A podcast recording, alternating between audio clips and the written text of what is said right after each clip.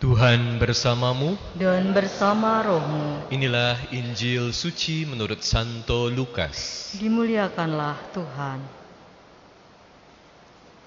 Dalam bulan ke-6 Allah mengutus malaikat Gabriel ke sebuah kota di Galilea bernama Nazareth kepada seorang perawan yang bertunangan dengan seorang bernama Yusuf dari keluarga Daud. Nama perawan itu Maria. Ketika datang kepada Maria, malaikat itu berkata, Salam, hai engkau yang dikaruniai, Tuhan menyertai engkau. Maria terkejut mendengar perkataan itu, lalu bertanya di dalam hatinya, Apakah arti salam itu? Kata malaikat itu kepadanya, Jangan takut, hai Maria, sebab engkau beroleh anugerah di hadapan Allah. Sesungguhnya engkau akan mengandung dan melahirkan seorang anak laki-laki, dan hendaklah engkau menamai dia Yesus. Ia akan menjadi besar dan akan disebut Putra Allah yang Maha Tinggi. Tuhan Allah akan mengaruniakan kepadanya tahta Daud, bapa leluhurnya. Ia akan memerintah atas kaum keturunan Yakub sampai selama-lamanya dan kerajaannya tidak berkesudahan. Kata Maria kepada malaikat itu, "Bagaimana hal itu mungkin terjadi karena aku belum bersuami?" Jawab malaikat itu kepadanya, "Roh Kudus akan turun atasmu, dan kuasa Allah yang Maha Tinggi akan menaungi engkau. Sebab itu, anak yang akan engkau lahirkan itu akan disebut Kudus, Putra Allah."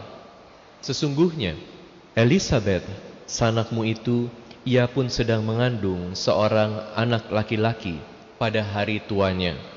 Dan inilah bulan yang keenam bagi dia yang disebut mandul itu. Sebab bagi Allah tidak ada hal yang mustahil.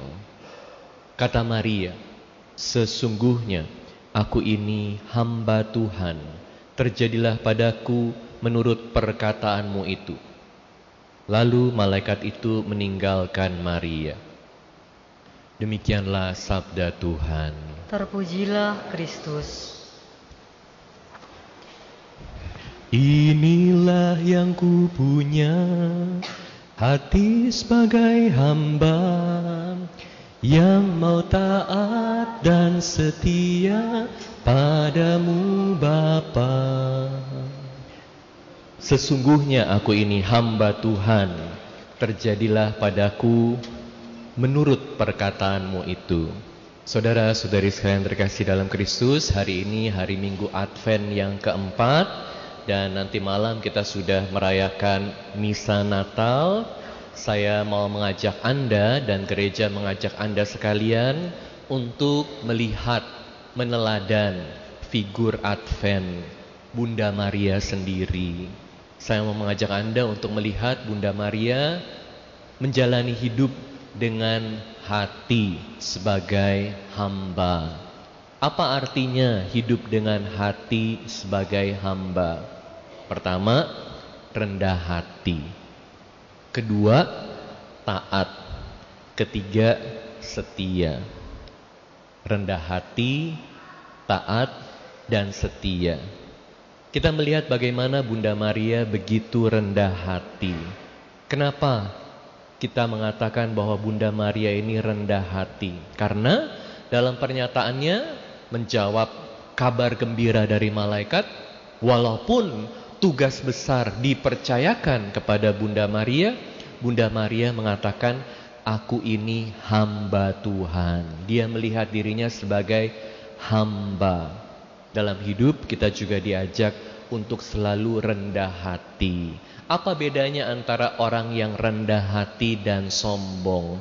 Orang yang rendah hati ini melihat bahwa segala sesuatu yang dia punya dalam hidupnya ini berasal dari Tuhan. Semua yang kita punya ini karena kemurahan hati Tuhan. Makanya kan dikatakan Aku tidak membawa apa pun juga ketika aku datang ke dunia. Ini adalah satu kesadaran yang penting. Seringkali dalam hidup kita dikuasai kesombongan karena kita merasa bahwa segala sesuatu yang kita punya dalam hidup itu karena kehebatan kita, karena kita berhak. Jadi, kalau pikirannya adalah karena kehebatan kita dan ini menjadi hak kita karena aku sudah kerja keras, aku sudah berdoa, aku sudah jadi orang baik, aku sudah melakukan segala hal yang harus aku lakukan sehingga aku berhak atas hidup ini, berhak atas segala yang baik, kita jadi sering kali menuntut tapi kalau kita selalu sadar bahwa hidup ini adalah anugerah Tuhan. Aku bisa bernafas hari ini. Ini karena hadiah Tuhan. Aku bisa bekerja hari ini. Ini karena hadiah Tuhan. Aku bisa melakukan berbagai hal yang baik. Ini karena bantuan Tuhan. Jadi siapa kita ini? Datang ke dunia tanpa apa-apa. Dan semua adalah milik Tuhan. Kita ini cuman dititipin sama Tuhan. Maka kita jadi lebih sadar bahwa kita terbatas. Yang luar biasa itu Tuhan, bukan kita. Jadi nggak usah nuntut macam-macam. Belajar bersyukur atas segala hadiah yang Tuhan berikan kepada kita sekecil apa pun. Sehingga kalau kita bisa selalu melihat keterbatasan kita, menyadari betapa baiknya Tuhan, kita jadi bisa lebih bersyukur dalam hidup. Lihat Bunda Maria juga bersyukur, makanya Bunda Maria mengatakan, jiwaku memuliakan Tuhan. Bahkan dalam ketidakpastian, bahkan dalam situasi di mana apa yang terjadi itu bukan sesuai dengan rencana Bunda Maria, tetapi Bunda Maria mau taat. Kalau punya hati sebagai hamba, kan taat kan kepada Tuhan. Ini bukan hati Tuhan, tapi hati hamba. Kalau hati Tuhan, hati bos itu mau selalu memerintah, mengatur. Semua harus terjadi sesuai dengan kehendakku.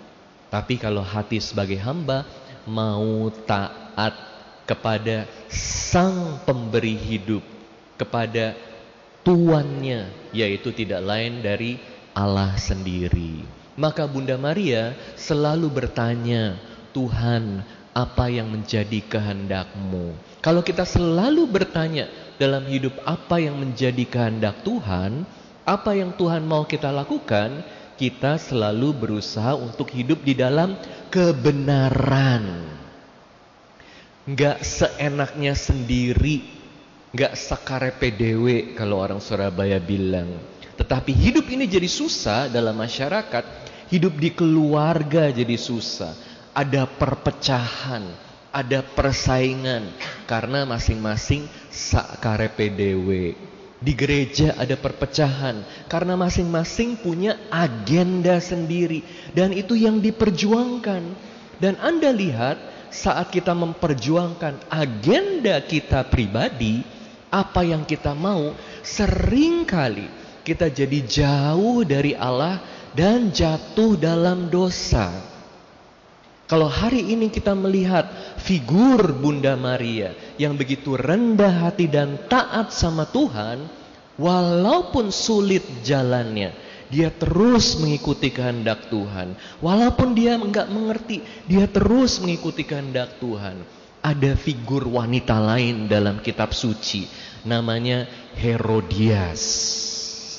Kenal gak sama Herodias? Herodias ini istrinya Herodes Antipas. Tapi Anda tahu Herodias ini terkenal karena membunuh Yohanes Pembaptis. Saat anaknya menari dengan begitu indah, Herodes Antipas bilang, "Kamu mau hadiah apa?" Anaknya tanya sama mamanya, "Ma, minta apa?" Mamanya bilang, "Tidak kurang dari kepala Yohanes Pembaptis."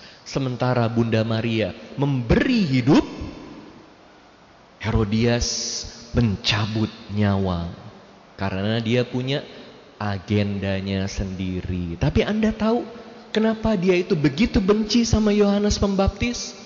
Sederhana, karena Yohanes Pembaptis mengatakan kebenaran. Dia bilang, gak boleh itu Herodes Antipas menikah sama Herodias. Karena Herodias itu sudah menikah. Siapa yang dinikahin oleh Herodias sebelum Herodes Antipas?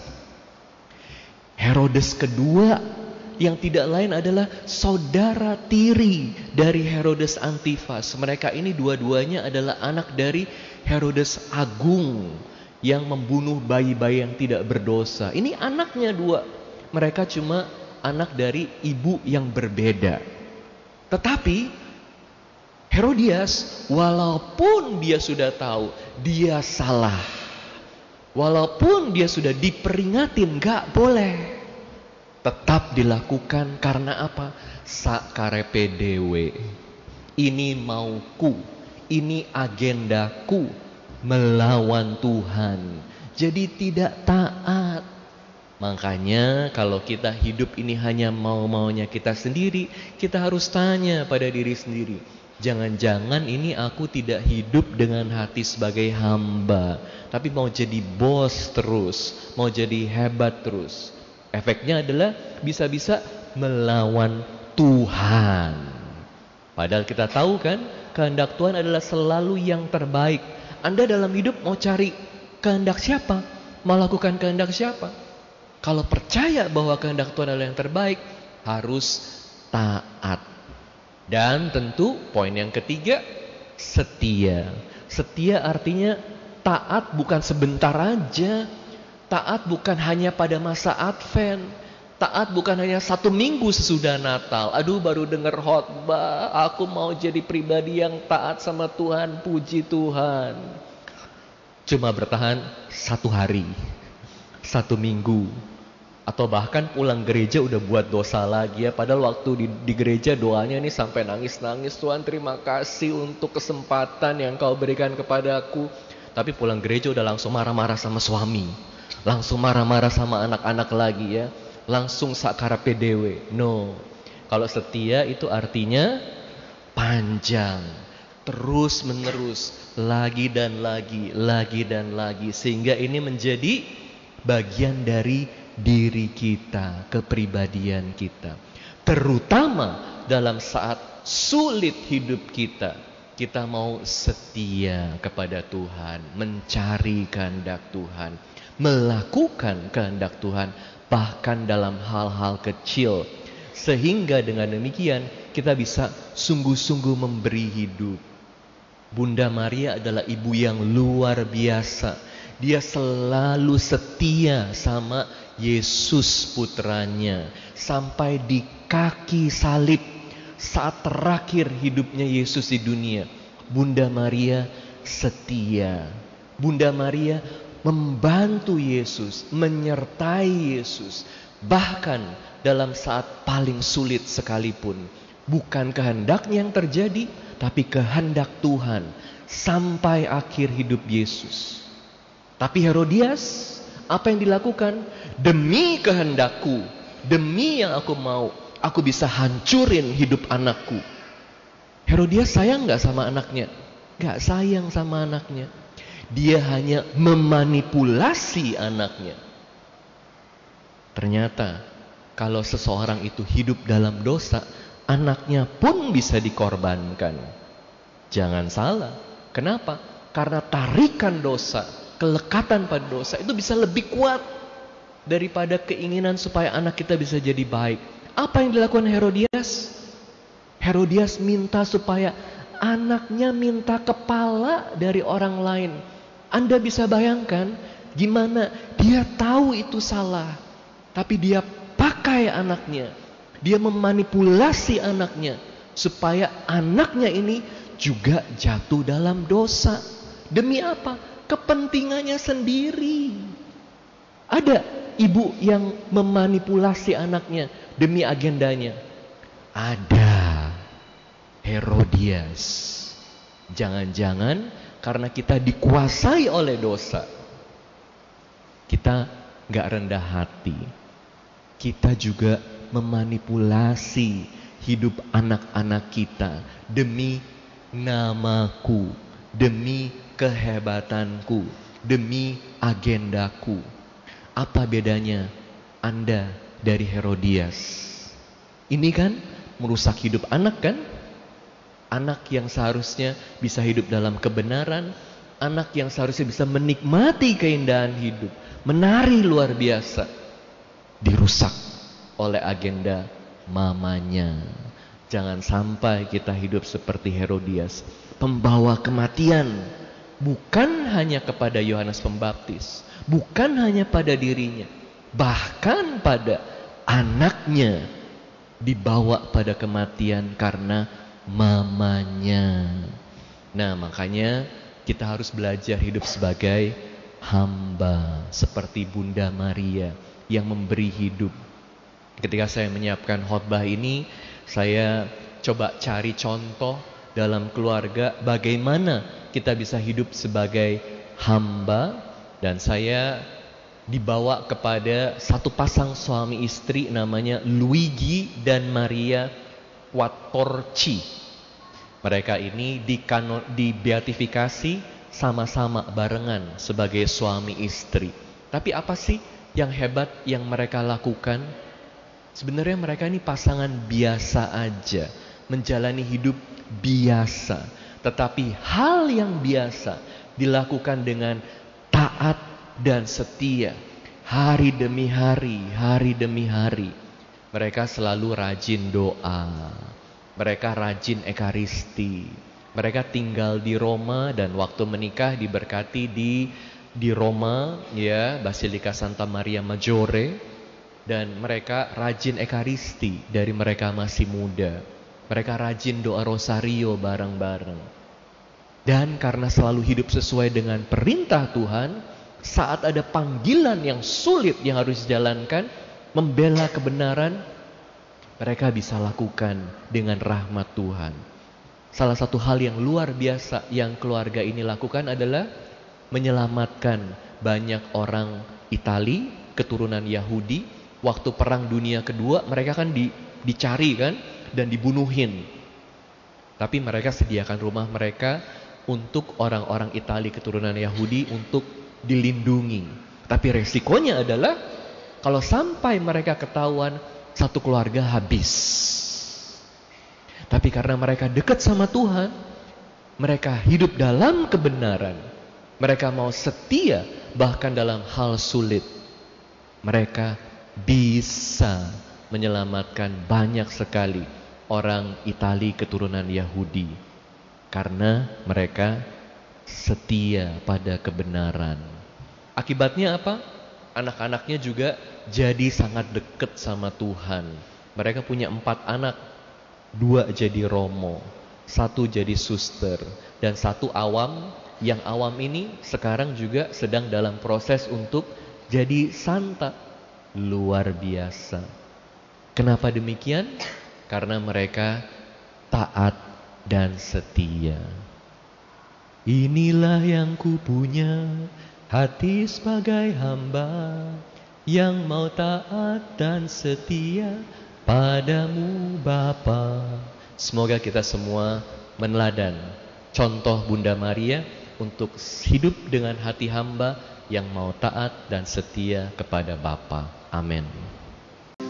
Tuhan bersamamu Dan bersama rohmu Inilah Injil suci menurut Lukas dimuliakanlah Tuhan. Dalam bulan yang keenam, Allah mengutus malaikat Gabriel ke sebuah kota di Galilea bernama Nazaret kepada seorang perawan yang bertunangan dengan seorang bernama Yusuf dari keluarga Daud. Nama perawan itu Maria. Ketika datang kepada Maria, berkatalah malaikat itu, Salam hai engkau yang dikaruniai, Tuhan menyertai engkau. Maria terkejut mendengar perkataan itu lalu bertanya di dalam hatinya, apakah arti salam itu? Kata malaikat itu kepadanya, Jangan takut hai Maria, sebab engkau beroleh anugerah di hadapan Allah. Sesungguhnya engkau akan mengandung dan akan melahirkan seorang anak laki-laki. Dan hendaklah engkau menamai dia Yesus. Ia akan menjadi besar dan akan disebut putra Allah yang maha tinggi. Tuhan Allah akan mengaruniakan kepadanya tahta Daud bapa luhurnya. Ia akan memerintah atas kaum keturunan Yakub sampai selama-lamanya dan kerajaannya tidak akan berkesudahan. Kata Maria kepada malaikat itu, Bagaimana hal itu mungkin terjadi, padahal aku belum bersuami? Jawab malaikat itu kepadanya, Roh Kudus akan turun atasmu, dan kuasa Allah yang maha tinggi akan menaungi engkau. Sebab itu anak yang akan engkau lahirkan itu akan disebut kudus putra Allah. Sesungguhnya Elizabeth sanakmu itu ia pun sedang mengandung seorang anak laki-laki pada hari tuanya. Dan inilah bulan yang keenam bagi dia yang disebut mandul itu. Sebab bagi Allah tidak ada yang mustahil.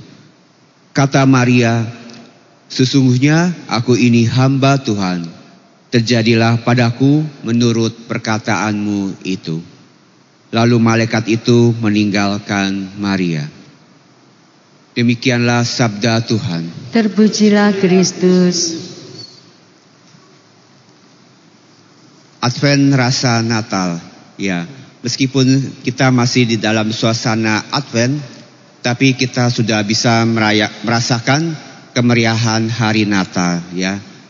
Contohnya di dalam gereja ini pohon Natal sudah siap ya, sudah dihias dengan begitu indah. Juga sudah ada gua Natal, bunga-bunga juga sudah berwarna putih. Dan kalau kita lihat keluar, kita ada melihat ada dua videotron yang luar biasa besar. Ini baru pertama kali di gereja kita di RM kita pasang videotron ya. Tujuannya apa? Karena kita ingin memberikan yang terbaik buat umat Redemptor Mundi. Jadi dalam suasana Natal Advent ini kita sudah bisa merayakan atau merasakan suasana Natal. Jadi kiranya tepat ya kalau saya menyebut Advent keempat ini seperti Advent tapi berasa Natal. Setuju nggak Bapak Ibu? Ya setuju aja ya, terserah romonya aja ya. Yang penting besok atau hari ini kita sudah boleh merayakan Natal. Ya, berbicara tentang Advent rasa Natal, kiranya inilah yang harus menjadi disposisi kita, pegangan kita sebagai umat Kristiani. Dalam hidup kita sebagai umat Kristiani, kita ini harus hidup dalam semangat Advent yang artinya selalu hidup dalam semangat pertobatan, memperbaiki diri dan mau berbagi. Tapi pada saat yang sama kita pun harus bersukacita, sukacita dalam Natal yang artinya kita ini harus selalu dilahirkan baru menjadi manusia yang baru. Ya, jadi satu sisi kita hidup dalam pertobatan, tapi kita juga boleh bersukacita dan harus selalu dilahirkan baru. Apakah bisa pertanyaannya? Tentu tanpa usaha, hanya usaha kita sendiri, kita akan sulit. Kita itu akan menjadi mustahil. Tapi dalam bacaan Injil hari ini, Malaikat berkata kepada Maria, bagi Allah tiada yang mustahil. Jadi bagaimana supaya kita ini bisa sungguh sebagai umat Kristiani hidup dalam masa Advent dan juga boleh merayakan Natal. Ya kalau kita lihat masa Advent itu masa persiapan ibaratnya seperti sebuah seorang bayi yang masih dalam kandungan seorang ibu. Dan Natal kita merayakan kelahiran menjadi manusia baru. Dari masa kehamilan dan kelahiran ada sebuah penghubung yaitu peran seorang ibu. Ya itulah sebabnya di dalam bacaan Injil hari ini di minggu Advent yang keempat ini kita mengangkat tema Bunda Maria. Bunda Maria telah mengandung Tuhan Yesus dan melahirkan Yesus sebagai juru selamat yang akan memberikan kita hidup yang baru jadi dalam bacaan Injil hari ini kita melihat bagaimana malaikat Tuhan, malaikat Gabriel menyapa Bunda Maria. Ada dua hal yang bisa kita pelajari dari sapaan malaikat Gabriel kepada Bunda Maria. Yang pertama tentang rahmat Tuhan. sebagaimana malaikat menyapa Bunda Maria, Salam hai engkau yang dikaruniai, Tuhan menyertai engkau. Yang artinya kalau dalam bahasa Inggris, Hail Mary, full of grace. Full artinya penuh, jadi Bunda Maria ini penuh dengan rahmat. Penuh dengan rahmat artinya tidak ada noda dosa sedikit pun dalam hidup Bunda Maria. Itulah sebabnya kita mengenal adanya dogma Bunda Maria dikandung tanpa noda dosa. Karena Bunda Maria telah diciptakan Tuhan begitu sempurna dan tidak berdosa karena hidupnya penuh rahmat. Dan yang kedua adalah tentang Roh Kudus. Sebagaimana juga dikatakan, Roh Kudus akan turun atasmu dan kuasa Allah yang maha tinggi akan menaungi engkau. Jadi Roh Kudus hadir dalam hidup Maria dan menjadi bayi Yesus karena Bunda Maria ini penuh dengan Roh Kudus. Jadi artinya apa Bapak Ibu? Dalam hidup kita pun bisa menjadi seperti Bunda Maria yang dipenuhi dengan Roh Kudus. Kuncinya adalah kita mohon berkat atau rahmat Tuhan. Dan bagaimana supaya kita ini bisa dipenuhi dengan rahmat Tuhan? Kita hidup dalam kebenaran. Kita hidup kudus, kita hidup dalam pertobatan, menyesali setiap kesalahan dan memperbaiki hidup. Jadi inilah yang harus kita yakini, harus kita imani sebagai seorang Kristiani. Advent rasa Natal mengundang kita untuk hidup dalam semangat pertobatan dan juga kita harus siap dilahirkan menjadi manusia baru karena kita sungguh-sungguh diberkati oleh Tuhan. Dan sungguh berkat Tuhan itu nyata. Dalam bacaan pertama kita bisa melihat bagaimana Allah menyertai Daud memberkati Daud dari Daud yang bukan apa-apa hingga akhirnya dia menjadi raja. Allah berfirman bahwa Allah telah menyertai Daud dan membuat Daud menjadi raja. Itulah sebabnya dalam bacaan kedua Rasul Paulus kepada jemaat di Roma pun mengajak kita untuk bersyukur bahwa segala yang kita punya itu adalah berasal dari Allah dan untuk kemuliaan Allah. Jadi semoga masa Advent yang singkat ini mau mengundang kita untuk belajar seperti Bunda Maria yang selalu berserah kepada kehendak Tuhan. Aku ini hamba Tuhan, terjadilah kehendakku menurut perkataanmu. Semoga demikian Tuhan memberkati. The Lord be with you. and with your spirit. A reading from the Holy Gospel according to Saint Luke. Glory to you, O Lord. The angel Gabriel was sent from God to a town of Galilee called Nazareth to a virgin betrothed to a man named Joseph of the house of David, and the virgin's name was Mary. And coming to her, he said, Hail, full of grace, the Lord is with you. But she was greatly troubled at what was said and pondered what sort of greeting this might be. Then the angel said to her, Do not be afraid, Mary, for you have found favor with God. Behold, you will conceive in your womb and bear a son, and you shall name him Jesus. He will be great and will be called Son of the Most High. And the Lord God will give him the throne of David his servant, and he will rule over the house of Jacob forever, and of his kingdom there will be no end. But Mary said to the angel, How can this be, since I have no relations with a man? And the angel said to her in reply, The Holy Spirit will come upon you, and the power of the Most High will overshadow you. Therefore, the child to be born will be called Holy, the Son of God. And behold, Elizabeth, your relative, has also conceived a son in her old age. And this is the sixth month for her who was called barren, for nothing will be impossible for God. Mary said, Behold, I am the handmaid of the Lord. May it be done to me according to your word. Then the angel departed from her. The Gospel of the Lord. Praise to you, Lord Jesus Christ. Please be seated. On this last Sunday of Advent, I was reminded of the story of uh, a man who has a teenage son, and the son asked permission to go partying with his friends. The father said, It's okay, but you have to come home early. The latest would be 11 o'clock in the evening. If you come home later than that, I will not open the door for you. So the son said yes, but actually he did not uh, take it seriously because he is the son, he is the father. Uh, he will always be there to open the door for him. So the son came home early, early in the morning, around 2 o'clock in the morning. And he was confident that the father will open the door. But true enough, the father was firm in his decision. He did not open the door. So the son was forced to sleep outside in the barn with a lot of mosquitoes and very uncomfortable. And he was already afraid because he was there in the dark alone. So that was the situation when the door opened, but not for the son to come in, but for the father to uh, go out from the house and accompany the son. So he went there also experiencing the discomfort, mosquitoes, darkness, cold, outside, uncomfortable. But he was there telling the son, I did not open the door for you because I would like to show to you that your father is a man of honor. So what I say, I do.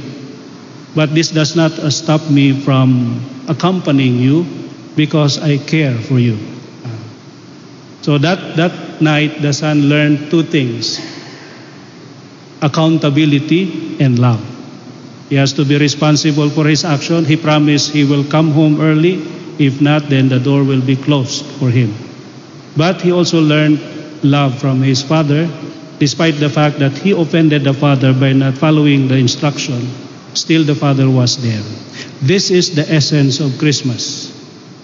We have offended God, our Father, but uh, He did not simply uh, stop by not allowing us again in the paradise, by sending us out from paradise, but He came out from heaven and accompanied us.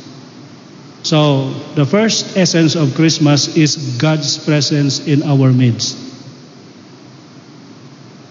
There is Christmas if God is present among us. And not only a presence uh, simple and plain, but a presence that is assuring, comforting, saving. So, though we have only very short preparation for Christmas, the weeks of Advent actually three weeks only, not four, and a day, because later tonight will already be the Easter Vigil for Christmas. But it's okay, though short, if it is proper. How do we prepare or celebrate Christmas? Well, we can take our clue from today's gospel reading and the story earlier, and that is to make Christ, God's presence, real. The theme for this Christmas celebration for 2023 is Keluarga ko atau lingkungan ko mang menyiapkan kedatangan Tuhan. So, our community, our family, and we ourselves prepare for the coming of God. Then how do we prepare for that? Make God's presence felt in our midst. For example, parents who are always busy yeah, of course, doing good things like searching money for the family. But sometimes the priority is that they are more present with their colleagues, with their friends, and always absent with their family. So, one way to celebrate Christmas is to st- spend time with family members and make an effort to file up good memories. That's why tomorrow, also after the 7 o'clock uh, Mass, which is Mass for little kids, for children. Of course, adults may also join. After the Mass, at around 8 o'clock, 8.30, there will be like a bazaar for games outside for the kids to enjoy themselves. There will be activities. We try to exert effort to make this thing memorable for them. Uh, but a more concrete example is what really Anne Donahoe did in New York many years ago. Uh, Anne was a member of the uh, Covenant House. This Covenant House shelter street children who are uh, like victims of prostitution. They have to live that way. because of need. They run away from home, they have no parents, or their parents do not care for them. So these children are roaming around the streets of New York.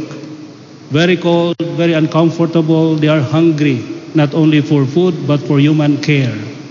So Anne volunteered for Covenant House. 10 o'clock in the evening, they move around the city and give hot chocolate and sandwiches to these kids. And the kids, of course, in this cold, in, that cold uh, condition, uh, weather, they are hungry. This hot chocolate is a heavenly experience. so that's one way of celebrating Christmas, bringing this comfort, this assurance that people don't come to them only to sell them or to buy them. But there are these people who really care for them. And when asked, what is the uh, the, the use of giving them hot chocolate and and uh, sandwiches. Two things. First, immediately they have this sense of comfort and a touch of love from somebody not a relative of them. Then second, they will come to know the place Covenant House because they are there on the streets simply because they do not know. They have options. They have a place to stay actually in the Covenant House. Only they do not know. So when they know, they now come to Covenant House. So this is a kind of presence that is comforting and assuring. Hopefully, we will also be able to do that in our little, little ways. That's why I thank the Cafe, the DPP, because when I read their in the WhatsApp group, uh, they are so busy. so busy doing so many things, preparing for Christmas, for this evening and tomorrow, like the tent there, the uh, parking area. Then there are things that are not yet done. I mean, uh, things to they have to move and to to to change and to to fix, and they are doing it. Mereka yang melakukan itu. Tapi kita gak tahu. Nah itu indahnya, tambah indahnya if God's presence, uh, kehadirannya Tuhan Yesus bisa di, uh, dirasakan, tapi kita gak tahu mengapa, siapa yang melakukan itu. Nah, if we are able to do that, then we are able to celebrate Christmas. So we try to do that in our family members, to our friends, and to people who are not related to us. When they feel God's presence through our prayers, through the little things that we contribute. For example, in tomorrow's affair, there are those who give drinks, a little money, addition to the budget. That little, little things will go far away to make these kids feel uh, appreciated and loved. That's Christmas.